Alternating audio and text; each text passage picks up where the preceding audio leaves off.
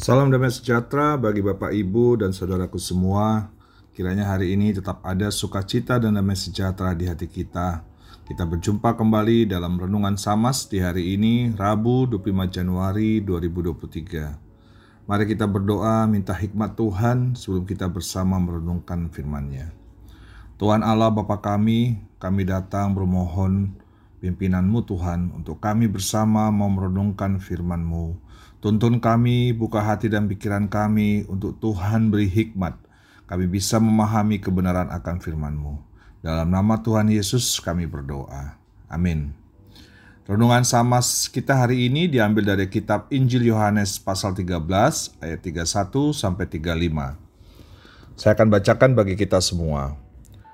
Sesudah Judas pergi, berkatalah Yesus, "Sekarang Anak Manusia dipermuliakan dan Allah dipermuliakan di dalam Dia. Jikalau Allah dipermuliakan di dalam Dia, Allah akan mempermuliakan Dia juga di dalam dirinya, dan akan mempermuliakan Dia dengan segera." Hai anak-anakku, hanya seketika saja lagi aku ada bersama kamu.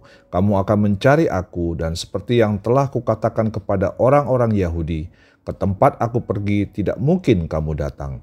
Demikian pula aku mengatakannya sekarang juga kepada kamu. Aku memberikan perintah baru kepada kamu, yaitu supaya kamu saling mengasihi, sama seperti aku telah mengasihi kamu. Demikian pula kamu harus saling mengasihi. Dengan demikian semua orang akan tahu bahwa kamu adalah murid-muridku, yaitu jikalau kamu saling mengasihi. Tema untuk renungan sama sekitar hari ini kita beri judul New Commandment. Apa itu New Commandment Bapak Ibu Saudara? Kita mungkin sudah sering mendengar Ten Commandment, yaitu 10 perintah Tuhan yang diturunkan Allah Yahweh kepada umat Israel melalui Nabi Musa di perjanjian lama. New Commandment adalah perintah baru Tuhan Yesus di perjanjian baru kepada murid-muridnya dan kita pengikut Kristus saat ini untuk hidup saling mengasihi. Perintah baru ini bukan berarti baru ada di masa perjanjian baru untuk perintah saling mengasihi. Tidak Bapak Ibu, sesungguhnya perintah kasih vertikal dan horizontal ini sudah ada sejak di perjanjian lama. Dalam kitab Matius 22 ayat 37 sampai 40, Tuhan Yesus menguatkan kembali akan perintah vertikal dan horizontal Allah yang ada juga di perjanjian lama hukum Taurat dengan menjawab pertanyaan ahli Taurat yang mencobai dia bahwa semua hukum-hukum Taurat adalah terhisap dan terangkum ke dalam hukum yang utama dan terutama, yaitu kasihilah Tuhan Allahmu dengan segenap hatimu dan dengan segenap jiwamu dan dengan segenap akal budimu. Dan hukum yang kedua yang sama dengan itu adalah kasihilah sesamamu manusia seperti dirimu sendiri. Jadi ajaran perintah baru perintah kasih dari Yesus Kristus bukanlah baru dalam pengertian atau hubungannya dengan aspek waktu, yaitu baru diucapkan atau baru saja ada, atau bahasa uh, asalnya, aslinya itu atau neos. Namun ajaran perintah kasih dari Yesus Kristus yang adalah baru dalam bahasa asli Yunani disebut kainos, pengertian berhubungan dengan aspek kualitas dengan perkataan lain tidak usang.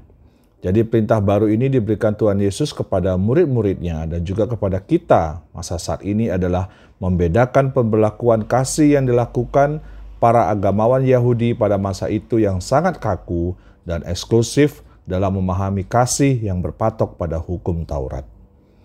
Dalam kitab perjanjian lama di Imamat 19 ayat 18 sebagai perintah lama akan kasih. Demikian bunyinya, Janganlah engkau menuntut balas dan janganlah menaruh dendam terhadap orang-orang sebangsamu, melainkan kasihilah sesamamu manusia seperti dirimu sendiri. Akulah Tuhan. Perintah baru New Commandment disampaikan Tuhan Yesus di ayatnya yang ke-34 dalam Injil Yohanes yang kita baca tadi. Aku memberikan perintah baru kepada kamu, yaitu supaya kamu saling mengasihi, sama seperti aku telah mengasihi kamu, demikian pula kamu harus saling mengasihi. Letak perbedaannya di mana Bapak Ibu? Adalah di motivasi atas perintah yang diberikan Tuhan Yesus. Kalau dahulu perintah lama mengasihi sesama seperti kita mengasihi diri kita sendiri. Maka sekarang menjadi mengasihi sesama seperti Tuhan Yesus telah mengasihi kita. Untuk supaya kita tidak bingung, kita beri contoh dalam kehidupan kita ya Bapak Ibu Saudara. Ada orang yang keras dengan dirinya sendiri.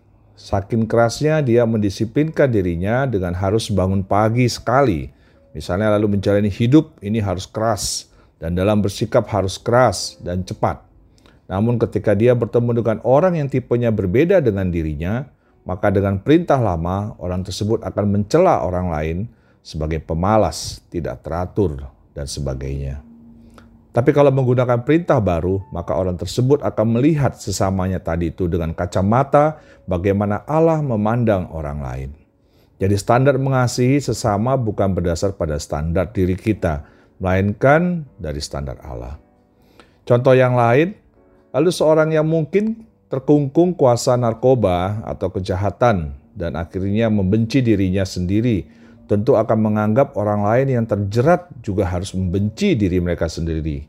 Tapi jika dengan perintah baru, maka mereka akan melihat diri mereka dan diri sesama dengan cara pandang Allah, melihat manusia ciptaannya yang ia Tuhan Allah kasihi. Ternyata perspektifnya 180 derajat berbeda ya Bapak Ibu.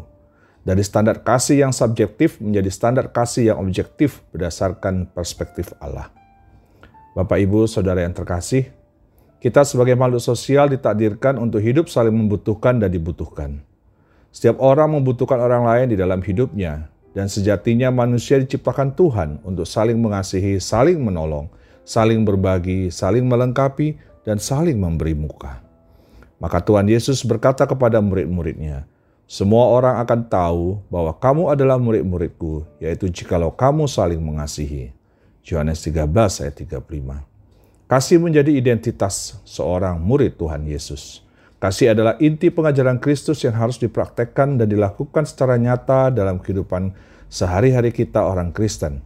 Dalam hal kasih, Tuhan Yesus bukan sekedar mengajarkan dan memerintahkan para pengikutnya untuk saling mengasihi, tetapi dirinya sendiri telah menjadi patron bagaimana seharusnya kita mengasihi dengan benar.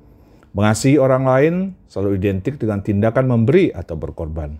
Tuhan Yesus telah membuktikan betapa ia mengasihi kita dengan pengorbanan yang tidak terhingga, mengorbankan dirinya di kayu salib. Tidak ada kasih yang lebih besar daripada kasih seorang yang memberikan nyawanya untuk sahabat-sahabatnya. Yohanes 15 ayat 13. Mengingat kita telah mengalami kasih Kristus, maka sudah selayaknya kita membagikan kasih itu kepada orang lain. Sesungguhnya mengasihi yang diajarkan oleh Tuhan Yesus bukan hanya sebuah kasih yang kita berikan karena orang lain telah mengasihi kita, tetapi kita juga harus mampu mengasihi orang yang membenci kita. Mengasihi musuh merupakan perkara yang tidak mudah bagi Bapak Ibu. Namun jika kita mampu melakukannya, kita akan menjadi orang yang berbeda. Kita sebagai pengikut Kristus, murid Tuhan. Bapak Ibu Saudara yang terkasih, Sesungguhnya mengasihi bukanlah perbuatan alternatif yang ditawarkan oleh Tuhan, tapi suatu perintah yang harus ditaati oleh setiap pengikut Kristus. Dan ingatlah, saling mengasihi adalah perintah baru, yang merupakan perintah yang aktual, yang berlaku sepanjang hidup kita. Tuhan Yesus memampukan kita. Amin. Mari kita berdoa.